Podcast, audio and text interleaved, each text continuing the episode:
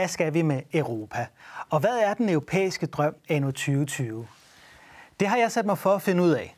For efter et årti præget af krise og opsplitning, er det centrale spørgsmål ikke kun, hvordan det europæiske projekt kommer videre, men også hvad det skal videre mod. Det undersøger jeg i serien Eurotopia. Sammen med markante gæster vil jeg i denne programrække genopdage Europa og formulere visioner for fremtiden. Hvert program afsluttes med, at jeg i fællesskab med gæsterne formulerer visionen som en tese for fremtidens Europa. På den måde samler serien i alt 10 teser i manifestet Eurotopia. Og i dette program har vi fokus på frihed. For hvordan står det egentlig til med friheden i dagens Europa? Og hvordan sikrer vi europæernes frihed i det 21. århundrede? Det diskuterer jeg med mine to gæster. Mit navn er Christian Folager. Velkommen til. Og så kan jeg sige velkommen til mine to gæster. Morten Hesseldal, øh, direktør for Gyldendal, og Martin Aarup, direktør for Tænketanken Cepos. I har jo begge været markante stemmer i debatten om friheden de sidste mange år, og altid på frihedens side, hvis jeg må være så fri at sige. Og I er også begge medstifter af den liberale tænketank Cepos. Så derfor har jeg inviteret jer herind for at prøve at øh, diskutere lidt, hvordan det står til med friheden, og også byde ind med visioner for, hvordan vi sikrer europæernes frihed i det 21. århundrede. Men først så vil jeg spørge lidt ind til, hvad friheden egentlig betyder for Europa. Fordi da Europa blev samlet efter krigen, så var et af formålene netop at sikre og fremme friheden og fastholde den, fordi vi lige havde bekæmpet totalitarismen. Er det også sådan, du tænker om Europa, Morten? Er det forbundet med frihed? Historisk er det jo i hvert fald, det står nok tydeligere, når man kigger på det historisk, at det var det, der var projektet. Øh, I dag fortoner det sig jo nok noget, fordi at der er så mange andre ting, der løber med dagsordenen. Handel eller klimaspørgsmål eller sikkerhedsspørgsmål. Men, men oprindeligt, oprindeligt så vil jeg da sige, at ideen om Europa, selvom det var også var nogle handelsinteresser, øh, der skabte det, så, så var ideen om Europa et, et forsøg på at fange en række af de strømninger, der også lå i oplysningstiden, og nogle af de idealer, som vi synes kendetegner sådan den, den europæiske tradition. Så, så klart for mig er, er Europa der en, øh, et symbol på frihed et symbol og en idé om, om, om frihed. Ja, ja helt bestemt. Ja. Øh, og, øh, og netop som det, det ligesom antidosen til, til totalitarismen. Min gamle far, der døde sidste år, var modstandsmand, og han sagde gentagende gange, øh, at han aldrig kæmpede øh, for noget. Øh, det vil sige, at han ikke kæmpede for en eller anden øh, utopi. Han kæmpede imod noget, øh, nemlig imod nazismen. Og det, der var hans pointe, det var, at han ligesom gerne vil give hverdagen, friheden, vores ah, mulighed for at skabe vores liv selv tilbage til, til os alle sammen. Og det var det, der drev ham som ung mand i modstandsbevægelsen. Og det er, har jeg også selv lagt mig på sinde. Jeg synes, det var en meget god tilgang til det. Spar os for, for utopier, men sikre, at vi kan handle ud fra, hvad vi nu selv som individer øh, måtte have lyst til. Hvordan ser du på det, Martin? Har, har Europa så også sikret friheden, altså det europæiske samarbejde? Øh, langt hen ad vejen. Langt hen ad vejen? Øh, og, og, altså, og alligevel man, man, man, man kan sige, det Øh, jamen, friheden vil aldrig være sikret permanent. Intet, der handler om, om samfund, er, er permanent. Altså, en metafor, der kan, det kan sammenlignes næsten med hvad som helst i virkeligheden, fordi alt skal jo vedligeholdes. En cykel skal vedligeholdes, ellers forfalder den. En have skal vedligeholdes, ellers forfalder den. Og det samme skal et, et samfund baseret på frihedsrettigheder. Øh, fordi der, der er altid en, en tendens til forfald, som heldigvis bliver modvirket af en tilsvarende tendens til, at vi mennesker gør os umage og arbejder for tingene. Øh, og øh, vi kan komme til nogle af de forfaldstendenser, der er i, i Europa, men hvis vi starter med sådan det historiske i det, så Øh, kan man sige, at EU-samarbejdet, der startede med at hedde noget andet, men som nu hedder EU, øh, det øh, var jo i høj grad en tanke om at forsvare øh, frihed i mere overordnet principiel art ved at, øh, at sikre øh, nogle ret jordnære frihedsrettigheder, nemlig borgernes økonomiske frihed, friheden til at at øh, kunne handle med hinanden på tværs af grænserne, også friheden til at kunne bevæge sig på tværs af grænserne. Øh, Øh, og øhm, øh, tanken var, øh, at hvis europæerne handler med hinanden, så øh, går de nok ikke i krig med hinanden. Øh, og det er jo sådan set blevet håndhævet meget godt. Vi har skabt det indre marked og så videre, og vi har også en bevægelsesfrihed på tværs af grænserne, sådan, når der ikke lige er corona i hvert fald. Øhm, og derudover så har der også været nogle store frihedsrettigheder skrevet ind i øh, traktaten. Men mens der er, øh, er stærke muligheder for at håndhæve den økonomiske frihed, altså øh, at gribe ind over for lande, der ikke tillader frihandel osv., så, så er der ikke særlig stærke forudsætninger for at håndhæve sådan nogle mere grundlæggende frihedsrettigheder som ytringsfrihed, og personlige frihedsrettigheder. Og det problem ser vi jo i øjeblikket øh, træde frem i sådan et sted som Ungarn, hvor EU-landene ikke kan finde ud af, hvordan de skal håndtere det. Altså de kan ikke engang blive enige om, at øh, så at beslutte, at så kan Ungarn ikke få EU-penge længere. Øh, og så det er et nogle, problem. Der er nogle svagheder i EU-systemet, som du ser det, i forhold til for eksempel det her med retsstatsproblematikken i, i Østeuropa. Ja. ja. Morten, hvorfor er friheden vigtig for Europa og for europæerne? Hvorfor, hvorfor skal vi have frihed? Det er hele vores selvforståelse, vil jeg sige, hviler på, at vi tror på det begreb. Øh, men det, man skal huske med frihed, tænker jeg, det er også, at den jo først bliver til noget, når man bruger den. Altså, man bliver nødt til at engagere sig, man bliver nødt til at tro på, at min indsats min stemme også kan gøre en forskel. Øh, og det er måske der, at den største krise er i de her år. Øh, hvis man kigger på, på EU, øh, så må man jo sige, at siden 2. verdenskrig og, og siden EU blev, blev grundlagt, så har det rationelt set været en kæmpe succes. Vi har haft fred i Europa, vi har fået en velstand ud over enhver historisk beskrivelse. Men hvis man kigger på EU som sådan et følelsesmæssigt projekt, om, som noget, der ligesom engagerer folk, og det kan bruges til at, at, at sikre den enkeltes frihed, jamen så er det måske blevet en fiasko. Altså, folk har ikke nogen følelsesmæssig tilknytning til EU. Til EU. Øh, man er skeptisk over for projektet, og derfor kan man sige, at det lykkes på de mere sådan administrative, teknokratiske områder, men er mislykkes på det værdimæssige område. Og det værdimæssige område, det er jo for eksempel at være meget klar i forhold til til at sikre friheden. Og den mener jeg bliver tabt, når engagementet tabes. Øh, hvis man synes, at det, der sker i EU, det er noget fjern, det er ikke noget med mig at gøre, så mister jeg også min, min, min nærvær, min, min, min, min, i virkeligheden min mulighed for at folde øh, med mit frihedspotentiale ud. Og det er det, øh, jeg tror, fører til en desillusion, man har set i, i England og i andre lande. Så det europæiske projekt skulle bygges mere på kultur og idéer end teknik og administration? Det skal stå på begge ben, på begge, ja. øh, fordi vi, det som kultur gør, det er jo, at du får en følelsesmæssig tilknytning til noget. Du synes, at det også er noget, der kommer dig ved. Øh, men det man ser i de her år, det er jo, det er jo nationalstaterne, der vokser frem, fordi der har vi en følelsesmæssig nærhed. Der er sprog, der er historie, vi kan genkende hinanden, vi har tillid til hinanden. Det giver mening at skrive skat ud inden for en nationalstat. Hvorimod den samme tillid ser vi jo slet ikke blive etableret i et, øh, i et Europa, i et EU. Øh, men problemet er, når øh, EU agerer som om, at de tager den for givet, som om, at vi skulle øh, det, det, den kontrakt, vi ligesom indgår i nationalstaten, hvis man fra EU's side også mener, at den er indgået i forhold til EU. Og det er den jo overhovedet ikke. Og det er jo det, der førte til Brexit, vil jeg mene. At man simpelthen ikke følte den samme tilknytning til et EU-projekt, som blev abstrakt og, og, og, og, og, og, og blev omgivet af en enorm masse mistillid. Øh, og, og i modsætning til nationalstaten, der ligesom kan garantere den der nærvær, og, og dermed også mit engagement og, om, om min mulighed for at udfolde min frihed. I tilhører jo begge to, øh, Martin og, og Morten, en generation, som også blev formet meget af murens fald, og at vi fik østeuropæerne med i Europa. Det var jo også en sejr for friheden, kunne man sige. Mm. Og øh, det, der jo så er sket nu her 30 år senere, det er jo, at det, noget af den eufori måske er begyndt lidt at forvitre. Ser du også det, øh, Martin, at, at på den måde friheden måske er lidt i krise? Vi er ved at glemme betydningen af frihed, fordi andre spørgsmål trænger sig på.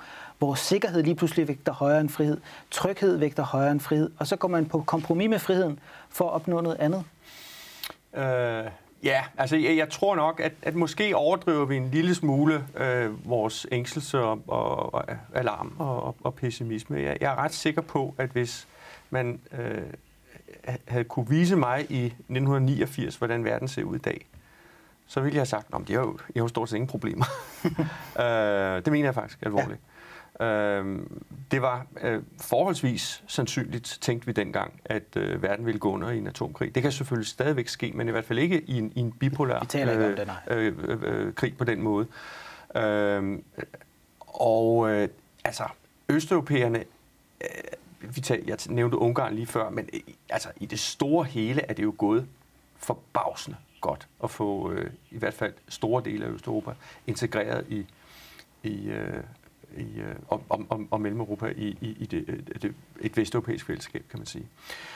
Øhm, men jeg, jeg, jeg tror, at noget af det centrale, det er, at der er kommet nogle problemstillinger, som øh, hver sin gruppe af mennesker opfatter som øh, identitets- og måske sådan øh, overlevelsestruende.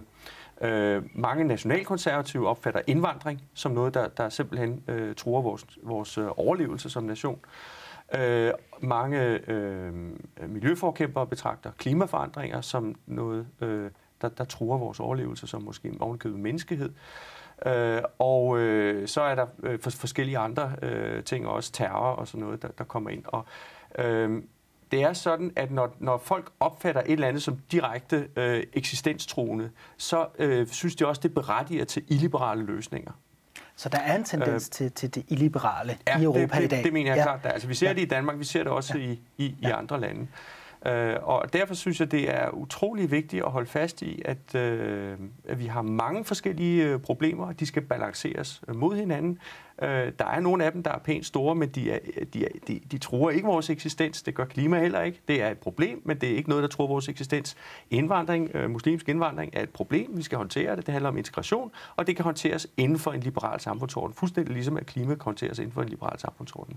Det er utrolig vigtigt at holde fast i. Det er vigtigt. Det, det vil du sige noget, Simon? Ja, altså det der var, kan man sige, fordelen ved de totalitære systemer, hvis man skal gå så skævt ind i det. Nå, nå, det var, at man kunne se det, der var dyrebart, at man ikke ville miste. Altså, at man som modstandsmand kæmpede for, for at nå en frihed, fordi man kunne se ufriheden i nazismen.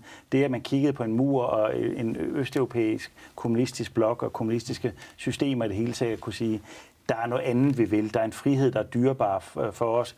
Muligheden for at lave frie valg, sige, hvad vi mener, rejse, hvorhen vi vil. Den var så dyrebar, og det var på en måde øh, universel, altså for os, der øh, levede i, i den vestlige verden. Øh, I og med, at øh, de totalitære systemer af den art der er kollapset, Østblokken er forsvundet, så har man desværre ikke fået etableret en universel øh, frihedsbegreb, men man har øh, etableret en, nogle partikulære frihedsbegreber. Altså man, man, man relaterer friheden til, at det skal være friheden til min helt egen særinteresser, til min identitet, frem for ligesom at tale den fælles frihed op, så bliver det pludselig meget, meget vigtigt, at jeg bliver anerkendt på noget, som man egentlig til andre tider har tænkt var sekundært, at jeg bliver anerkendt og får frihed med at afsætte min seksualitet, eller min kultur, eller min religion. Og så får vi en masse øh, kan man sige, deldagsordner. Altså øh, mennesker, som, som, som ud fra deres helt snævre identitet kræver frihed øh, og særrettigheder. Frem for førhen, når vi havde den totalitære modsætning, så var forestilling om en eller anden form for almen, universel frihedsbegreb, som ligesom dækkede os alle sammen som mennesker, som Martin Luther King jo også kunne sige, jamen det handler ikke om at, at give frie rettigheder eller give frihed til de sorte, det handler om, at mennesket skal være frit, således at vi bliver farveblinde øh, i forhold til, hvilken race man kom fra. Det er jo det totalt modsatte, man ser i dag. Nu er det øh, verden om at, at gøre min hudfarve øh, eller min køn til, til, til, til, til det, der man skal vurderes på. Og derfor mener jeg, at man har tabt en noget meget, meget vigtigt i forhold til de, de gamle frihedsbegreber, øh, og jeg mener, de er under pres ja. i de her år. Så vi skal huske individet over for kollektivet, og ideen om det universelle man, i virkeligheden. Præcis. Man, man skal, man, man, man, man, altså det øjeblik, man forlader det universelle til fordel for det partikulære, så ja. mister man også troen på, at vi har en fælles, et fælles projekt som mennesker. Ikke? Og på en måde så var det jo det, Grundtvig jo så meget tidligt, når han sagde, øh, menneske først, kristen så. Ja. Ikke? Altså, at, øh, at der er noget almen menneske, vi skal forholde os til. Så kan det godt være, at du er kristen, det kan godt være, at du er muslim, eller bøsse, eller hvad pokker det nu er. Men det er sekundært. Du er først og fremmest menneske, og lad os prøve at udvikle både et frihedsbegreb, øh, men jo også en, et fælles øh, menneskeligt projekt øh, med afsæt i, i, i, i det universelle. Men hvad ser I så som truslerne mod friheden i dag i Europa? Altså, hvad tror friheden? Er der nogle trusler? Jeg tror, Morten har været inde på noget centralt. Jeg, jeg vil mene, at, at hele den her øh, øh, hvad skal vi sige, identitetspolitiske dagsorden trods alt stadigvæk er drevet af øh, et lille mindretal, som så ganske vist er meget øh, højt råbende. Øh, og øh, øh ofte sætter en spektakulær dagsorden. Øh, men, men det er der, og det er, det er, en, det er en trussel, og det, og det forvrider øh, ja. vores, vores tænkning. Øh, det, det, det er jeg helt ja, enig i. Andre altså, trusler? Nej, det er meget vigtigt at holde fast i, fordi det der også var med 68 og 68 strømningerne i sin tid, det var det sådan set ikke sat sig noget aftryk politisk set. Der, var ikke, der blev ikke en opbakning til venstrefløjen øh, i de her år, men der kom en kæmpe indflydelse og forandring af samfundet værdimæssigt på grund af de værdier, som 68 bar med sig. Og på samme måde med identitetspolitikken, den har jo ingen som helst opbakning bredt set, men jeg tror, effekterne ved, at vi år efter år uddanner hundredvis af diversitetseksperter fra de danske og vestlige universiteter, kommer til at få en enorm indflydelse på vores samfund i de år, der vi har foran os. Og derfor er det meget vigtigt at holde fast i, at det godt være, ikke fylder meget, men det er en, en, en, en brutal anti-intellektuel strømning i identitetspolitikken. For det handler ikke længere om, hvad du siger, men hvem der siger det, og hvordan du siger det. Og, og det er jo et, et, et frontalangreb på det, som vi ellers altid har, har hyldet i Europa, nemlig eller i hvert fald siden oplysningstiden, at det handler om substansen, om argumenterne, øh, uanset hvem det er, der afsender af det. Det er jo derfor, man kan etablere en samtale øh, på tværs af sociale klasser, køn osv., at vi forholder os til, hvad der bliver sagt, og ikke hvem og, og der siger det, eller hvordan det bliver så, sagt. Så en trussel mod ytringsfriheden, det kunne man jo også sige, at øh, islamismens fremmarsch har, har, har påført Europa der vil nogen sige, at islam er en trussel mod ytringsfriheden. Men du taler om, at islam eller indvandring ikke er så stort et problem. Men der er jo Nej, mange, jo, der lever under politibeskyttelse. Der er forskel på at beskrive noget som et problem, øh, som man kan håndtere inden for øh, de normer og, og værdier og principper, som vi har. Øh, og så at beskrive det som øh, det alt overskyggende øh, eneste problem. Det, okay. altså, man møder, men, men ser du en trussel mod ytringsfriheden? Jamen, der er mange forskellige trusler mod ja. ytringsfriheden. Der er en, der kommer fra, fra de her øh, øh, identitetspolitiske folk. Der er nogen, der kommer fra... Der, det kommer også fra øh, en bevægelse på sociale medier, hvor... Øh, altså, vi så øh, New York Times øh, øh, debatredaktør øh, sige sit job op, fordi hun sagde, at øh, hun mente, at New York Times nu blev redigeret af Twitter øh, og altså ikke ud fra publicistiske principper, øh, således at man blev bange for at bringe nogle typer indlæg, som man vidste de særligt højt råbende ikke kunne lide. Og så får vi øh, sådan en, den her deplatforming øh, situation, hvor visse synspunkter simpelthen ikke kan accepteres. Øh, vi så, øh, hvad hedder hun, Eva Maria Søjden skrive et indlæg i avisen den anden dag, som er journalist på Danmarks Radio, om at hun mente ikke, at sådan en som Bjørn Lomborg skulle have lov til overhovedet at udtale sig. Og øh, hun har ikke engang forstået, hvad Bjørn Lomborg siger. Om klimaspørgsmål. Hun, hun kalder ham klimabenægter. Det er han ikke. Nej. Men Lomborg har bare et nuanceret ja. syn på, hvor alvorligt det problem det er. Så især det, det, det er jo den her cancel culture, hvor ja. man ligesom ja. øh, annullerer synspunkter, endnu, inden de er blevet sagt, som i en forelæsning eller i et medie, eller hvad det nu kan være, så, så skal det ligesom fjernes. Men det er jo ikke bare venstrefløjen, der ligesom har en, en identitetspolitisk dagsorden. Det har højrefløjen jo også i form af en Trump, eller øh, man kan vel også sige, at Morten Messersmiths projekt med at genrejse Dansk Folkeparti øh, med afsæt i kristendommen, det er jo også et forsøg på enten at tage det nationale eller det kristne og gøre det ligesom til et afsæt for sandhed. Mm. Ikke på samme måde, som vi var inde på før, at man tager sit køn eller sin sin kultur eller religion som afsæt for sandhed. Og begge dele, den højreorienterede identitetspolitik og den venstreorienterede identitetspolitik, mener jeg at udgør en stor trussel mod de her frihedsbegreber og den tradition for samtale og, og, og rationel øh, analyse, som vi har. Jeg er enig, og nu kan det virke som om, jeg, jeg forsøger at tale mig ud af islamismen. Nej, nej, jeg er fuldstændig enig ja. i, at det er, isla, det, det er islamismen også. Ja. Altså alle fundamentalistiske tilgange til ja. øh, en, en bestemt øh, problemstilling øh, er, er, er, en, er en trussel ja. imod den demokratiske samtale, vi har brug for at have.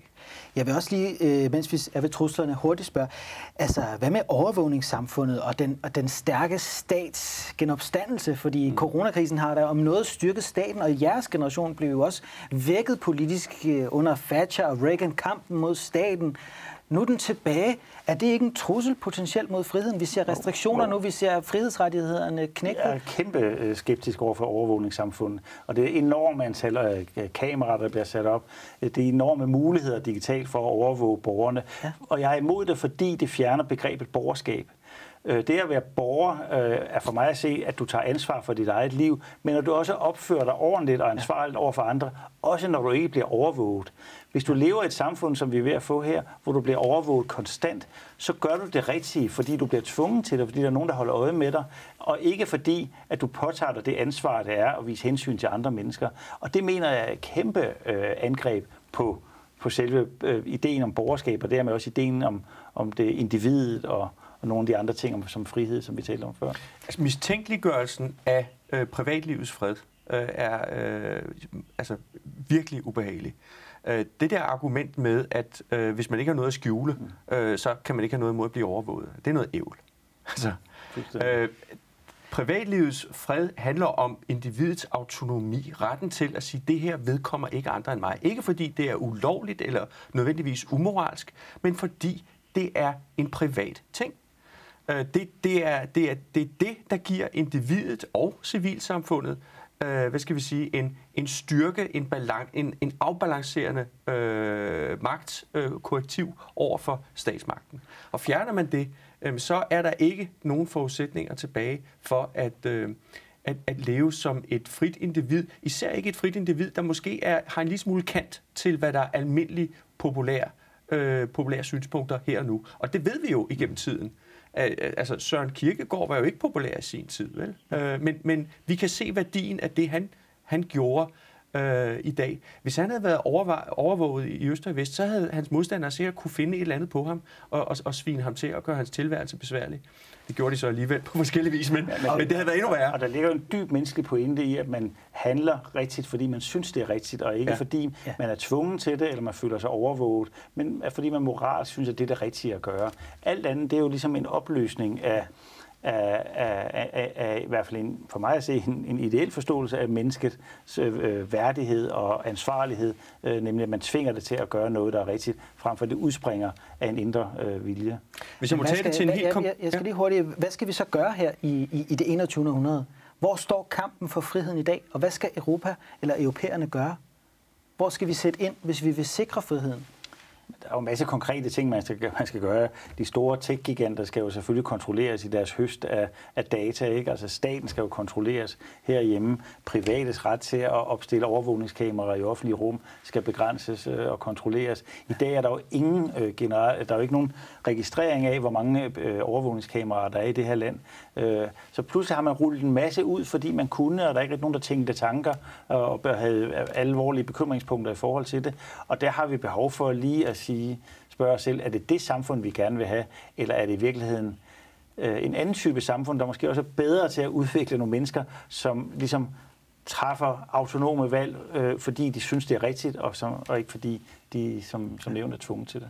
Vi skal fastholde retsstatsprincipper. Ja. Altså, der er nogle helt konkrete ting i øjeblikket med den coronalovgivning, vi har fået hastet igennem i løbet af 24 timer. Blandt andet, at øh, øh, staten nu øh, kan øh, nedlægge hjemmesider uden en dommerkendelse. Øh, og øh, der gik ikke ret mange måneder før øh, Trine Bramsen sagde, at den ville hun egentlig gerne have lov til at bevare, også efter mm. øh, corona, fordi det er så rart at have, som hun sagde. Og det er måske rart for hende at have, mm. men det, der må vi altså holde fast og man kan også godt argumentere for det. Der kan være situationer, hvor det tager lidt tid at få en dommerkendelse. Men sådan er det altså. Mm. Der er mordere, der går fri, fordi vi ikke har beviser, og øh, øh, der er, øh, man er uskyldig indtil det modsatte er bevist, og man kan ikke lukke en hjemmeside uden at have en dommerkendelse. Sådan må det være. Så der er nye trusler mod friheden, ja, som vi skal kæmpe ja, for. Og, og, og gamle på, på den måde. For 250 år siden præcis, så havde vi øh, tre år med øh, ophævelse af censuren i Danmark, og det vil sige, så kom der en masse pamfletter, sindssyge pamfletter, provokerende, nytænkende pamfletter, som blev imødegået af andre pamfletter, der mente det modsatte. Der dukkede pludselig også en anmeldervirksomhed op i, i, i de etablerede øh, aviser. Og pludselig så havde vi en, kan man sige, en borgerlig offentlighed, hvor man uden at staten skulle ind og, og forbyde og lave censur, at der faktisk blev imødegåelse og en samtale og en diskussion om, om synspunkterne, som jo har tjent os rigtig, rigtig godt. Den blev så rullet tilbage, og man skal nærmest hen til, til 49, 1849, før man igen fik øh, trykkefrihed i Danmark. Så vi skal værne om den der frihed, der er, at vi kan sige, hvad vi vil, og vi skal holde den der overvågningstendens på afstand. fordi det tjener os bedst, og det lurer hele tiden, at, øh, som Martin var inde på, for at der er politikere, der griber den, og synes, lad os nu holde fast i det, fordi det er dejligt set ud fra et øh, politisk synspunkt eller et, et magtsynspunkt. Og hvis vi helt kort skulle sige, hvad kan vi gøre i forhold til identitetspolitikken, Martin? Mm-hmm. Kan man gøre noget der? Er friheden måske i virkeligheden det bedste våben mod ufriheden? Og turde sige, hvad man mener? Ja, mod, ja. mod tror jeg er en, er en meget, meget central ting. Jeg tror rigtig mange øh, af, af, hvad skal vi sige, af, af, af fornuftens øh, og, og moderationens øh, stemmer er blevet skræmt af øh, den skingre tone på sociale medier og har trukket sig fra debatten. Og, og der er diskussioner, de ikke tør deltage i. Jeg taler med en hel del mennesker, der henvender sig til mig og siger, øh, hvor var det godt, du skrev det der, og øh, det er utroligt, det er vigtigt, at der er nogen, der siger det. Og så siger jeg, hvorfor siger du det ikke? Mm. Ja, men det er ikke lige, det kan, passer ikke med mig, og med det job, jeg har, og med den situation, jeg er i. Og folk bliver så vrede, og, og alt det der. Øh, det går altså ikke. Der, det, det, det er nødvendigt, at nogle flere mennesker udviser civilcourage, og, og øh, øh, øh, viser, at øh, man ikke dør af at blive kritiseret på sociale medier. Det eneste, der sker, det er, at man er blevet kritiseret på sociale medier. Ja. Det er, er det meget, også det, jeg er meget enig i, ja. men jeg synes også, at man bør stille nogle krav til de uddannelsesinstitutioner, som ikke står øh, vagt om, om de grundlæggende principper, Kunstakademi, Københavns Universitet, de skal jo forsvare det her med, at man ikke skal give indrømmelser over for identitetsstrømningerne, ja. øh, men forsvare de helt grundlæggende oplysningsprincipper, som jo er det, som institutionerne er bygget på, ja. og ingen har jo givet dem carte blanche til at underløbe de grundlæggende øh, rettigheder eller grundlæggende principper, de står på. Ingen har gjort det, men de står ikke vagt op om den ledelserne på de her institutioner. Det synes jeg er et kæmpe problem, og jeg synes bestyrelserne bliver nødt til at, at forholde sig til det, øh, fordi det er en underløbning af nogle helt grundlæggende øh, principper for vores samfund, øh, som der sker der. Og det har vi jo så også i det her program, har vi i fællesskab formuleret nogle tanker om friheden. En tese kalder vi det, som jeg nu vil læse op for seerne her til sidst. Europa blev ikke samlet på grund af friheden, men ufriheden. Det var opgøret med det 20. århundredes totalitarisme, som førte til efterkrigstidens europæiske samling og grundlæggelsen af det europæiske samarbejde. Ideen om et samlet Europa er således også en idé om frihed. Frihed til at kunne leve uden frygt for krig, frihed til at kunne forfølge sine drømme, frihed til at tænke, sige og skrive, hvad man vil. Den frihed kan imidlertid aldrig tages for givet, men må hele tiden forsvares. I det 21. århundrede skal europæerne bekæmpe frihedens fjender på nye fronter. Men kampen må aldrig opgives, for uden friheden vil Europa ikke være europæisk. Og således vil jeg sige tak til jer, mine to gæster, Martin Aarup og Morten Hesseldal. Og også tak til jer derude for at følge med. Husk, at vi snart er tilbage på kanalen med en ny vision for Europa.